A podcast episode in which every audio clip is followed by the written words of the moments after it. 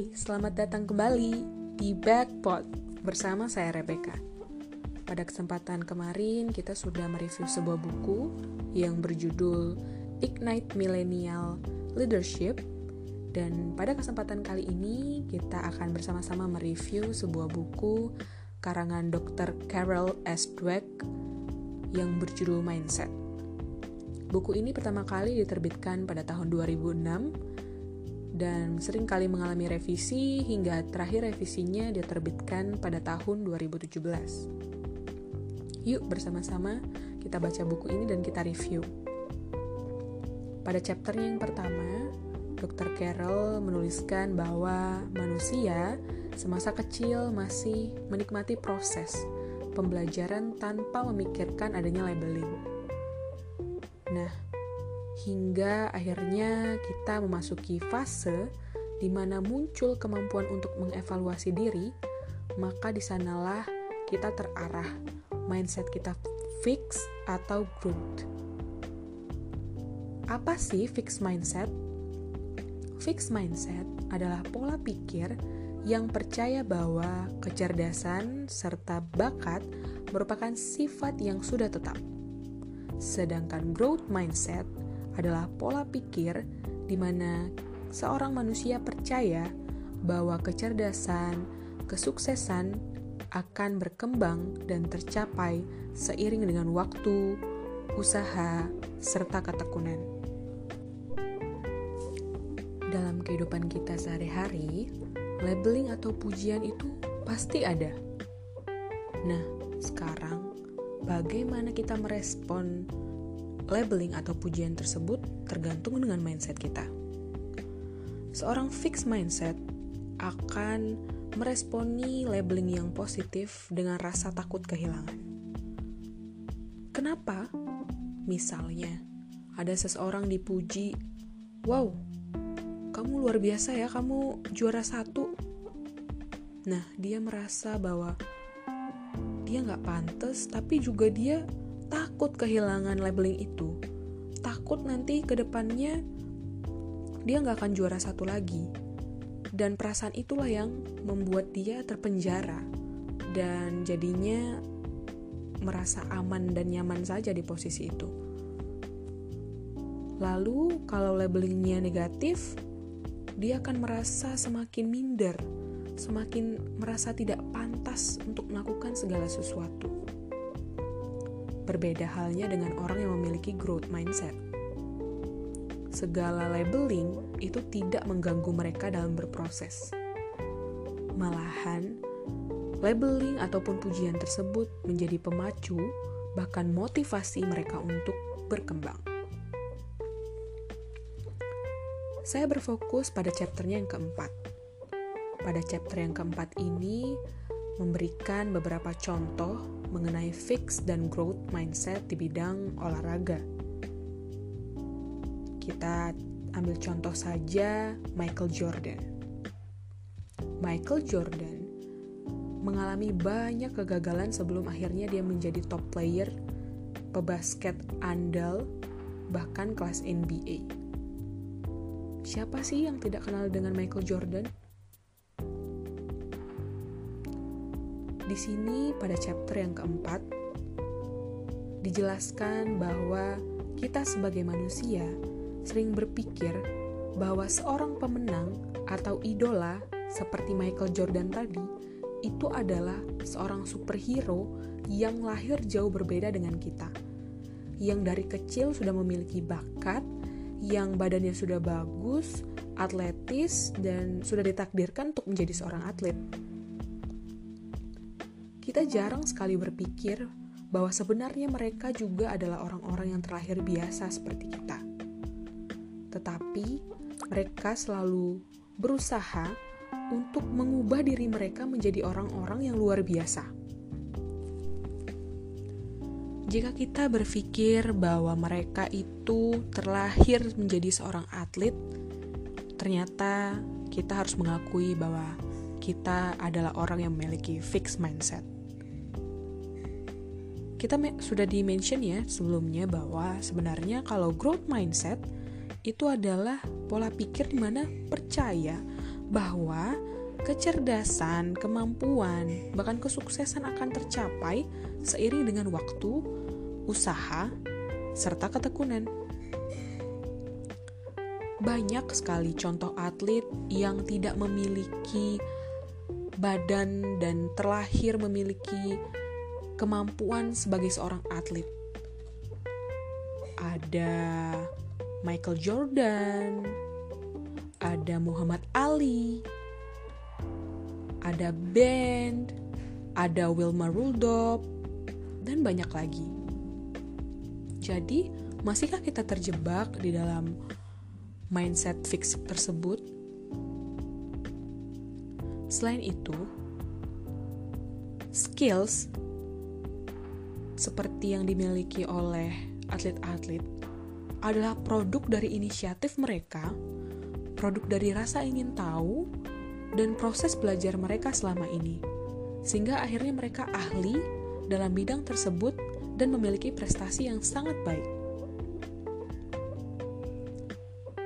Pada chapter yang keempat ini juga digarisbawahi bahwa seseorang yang berhasil, seorang pemenang atau champion, itu memiliki karakter yang sangat kuat.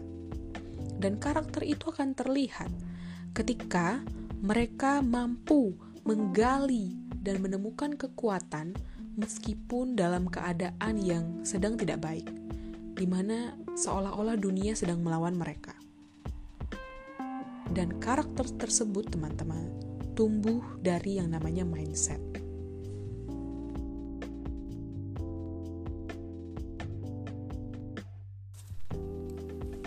Pada chapternya yang kelima, yaitu mindset and leadership melihat dari segi bisnis.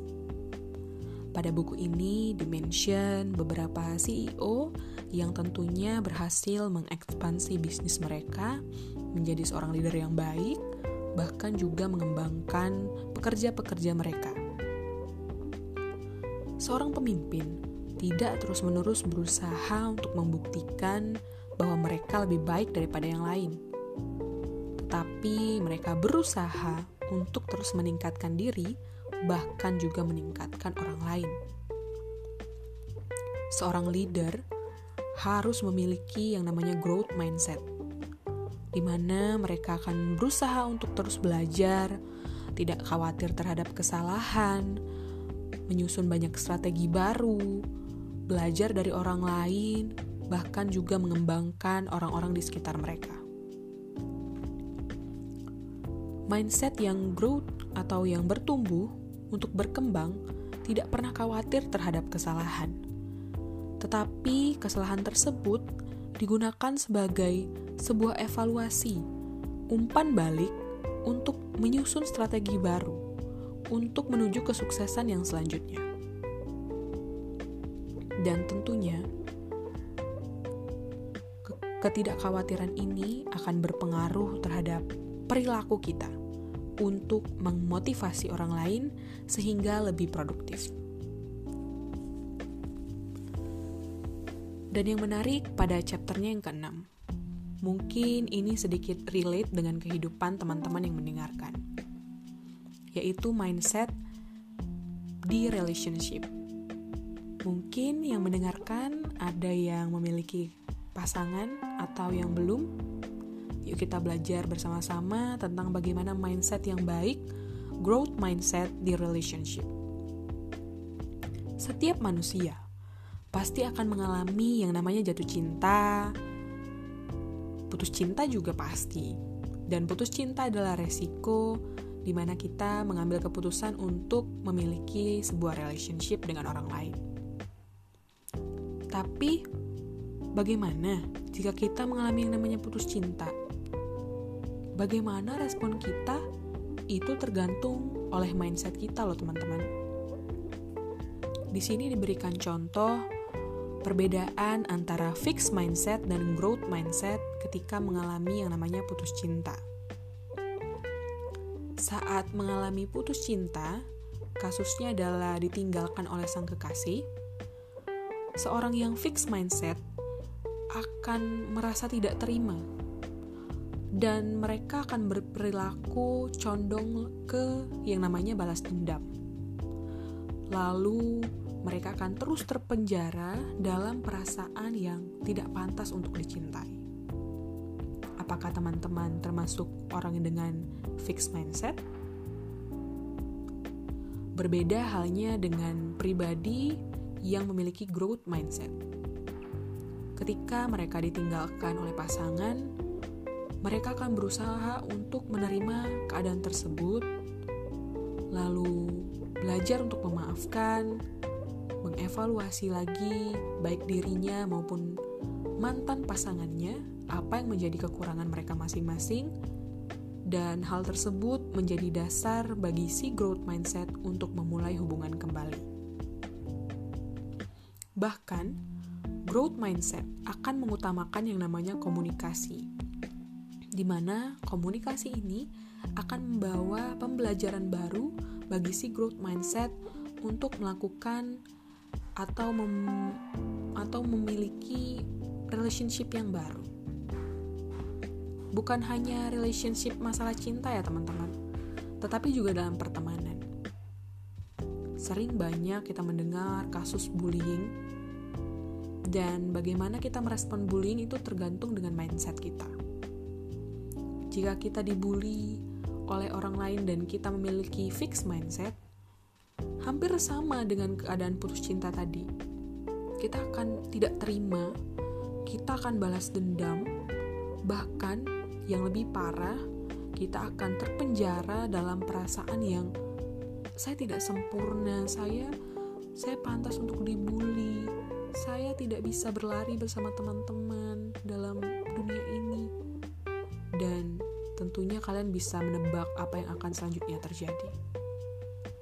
Sedangkan growth mindset, jika dibully, biasanya cenderung untuk mengevaluasi lagi dirinya, bahkan yang membulinya.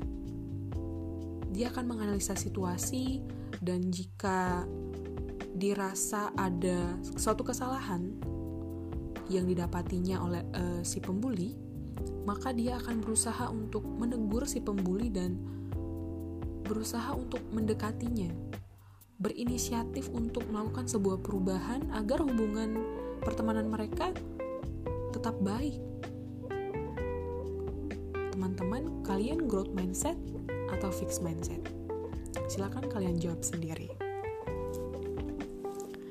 Lalu pada chapternya yang ketujuh, pada buku ini berbicara tentang bagaimana orang tua, guru, ataupun pelatih, coach, menanamkan mindset dalam pikiran kita. Sejatinya, orang tua, guru, maupun coach itu selalu menginginkan hal yang terbaik untuk anak-anak ataupun untuk orang yang sedang mereka didik. Namun sering kali cara mereka salah dan itu hal wajar menurut saya. Seringkali cara mereka salah dalam mengkomunikasikan tujuan mereka tersebut sehingga terbentuklah fixed mindset di dalam kehidupan kita sehari-hari. Contoh kasus yang paling dekat adalah ketika orang tua ingin anaknya lulus di salah satu universitas negeri dengan predikat cum Lalu, ketika anak tersebut sudah memiliki tujuan dan goal tersebut dan tertanam dalam hatinya dan dia memiliki fixed mindset, dan ketika dia gagal, dia akan benar-benar jatuh. Mereka, bahkan anaknya, juga akan merasa sangat gagal dalam kehidupan dan bisa jadi akan stuck pada masa kekelaman tersebut, dan sulit untuk melangkah maju jika tidak memiliki growth mindset. Bisa juga dengan guru jika seorang guru memiliki kecenderungan untuk menyukai anak yang memiliki nilai paling tinggi dan mengabaikan orang dengan nilai yang paling rendah, orang atau anak tersebut akan merasa tidak diterima dan fixed mindset akan tertanam dalam diri anak tersebut. Dia akan merasa ditolak dan cenderung merasa tidak didukung untuk maju. Jadi, sebenarnya, bagaimana sih kita menumbuhkan mindset yang growth, mindset yang mau berkembang? Hal ini dibahas pada chapter yang ke-8, yaitu Changing Mindsets. Kita sadari teman-teman bahwa mungkin di antara kita masih banyak yang memiliki fixed mindset. Nah, untuk mencapai yang namanya growth mindset, yang pertama dan paling utama yang harus kita lakukan adalah memulai terbuka terhadap yang namanya perubahan. Apa pun perubahan itu, kita harus belajar untuk menerimanya. Dan jika kita tidak tahu bagaimana caranya melakukan perubahan, maka proaktiflah untuk bertanya. Misalnya, seorang anak e, disuruh untuk melakukan sebuah tugas dan dia anak baru di dalam sekolah tersebut. Gurunya berkata seperti ini, tolong ya anak-anak kerjakan tugas seperti yang ibu berikan kemarin. Sedangkan anak tersebut baru saja masuk kelas pada hari itu. Dan apa yang dia lakukan? Dia menangis. Itu tandanya anak itu memiliki fixed mindset. Dia tidak memiliki proaktif untuk bertanya, bagaimana tugas kemarin? Bagaimana cara mengerjakannya? Mari kita belajar dari contoh kecil tersebut. Perubahan bukan berarti negatif. Bisa saja perubahan itu membawa dampak besar dalam kehidupan kita. Growth mindset juga dapat kita latih melalui kegiatan-kegiatan lecture, workshop juga, dan selain itu ketika kita telah beralih dari fixed mindset ke growth mindset, kita harus berani belajar dan memberikan pembelajaran kepada orang lain. Ketika kita berbagi ilmu kita, itu tidak berarti kita kehilangan ilmu kita, teman-teman. Tetapi ketika kita membagikan ilmu kita, itu artinya kita sedang mencapai aktualisasi diri yang paling tinggi Selain itu, latihlah inisiatif dengan cara mengambil setiap kesempatan yang diberikan. Itu benar-benar akan membantu kita untuk memiliki yang namanya growth mindset. Sebenarnya masih banyak sekali materi ataupun nilai-nilai yang dapat kita ambil dari buku mindset ini. Namun, biarlah teman-teman memiliki kesempatan untuk membacanya, mengambil nilainya, bahkan teman-teman juga bisa share kepada saya apa yang teman-teman dapat dalam buku mindset ini. Dan ini adalah resume saya mengenai buku mindset karangan Dr. Carol S. Dweck dan semoga apa yang saya berikan ini, apa yang saya sharingkan ini dapat menjadi manfaat, dapat menggugah teman-teman untuk beralih dari fixed mindset ke growth mindset. Terima kasih teman-teman. Mari kita menjadi pribadi yang positif, menjadi pribadi yang mau terbuka terhadap perubahan, dan terus belajar growth mindset. Sampai ketemu lagi.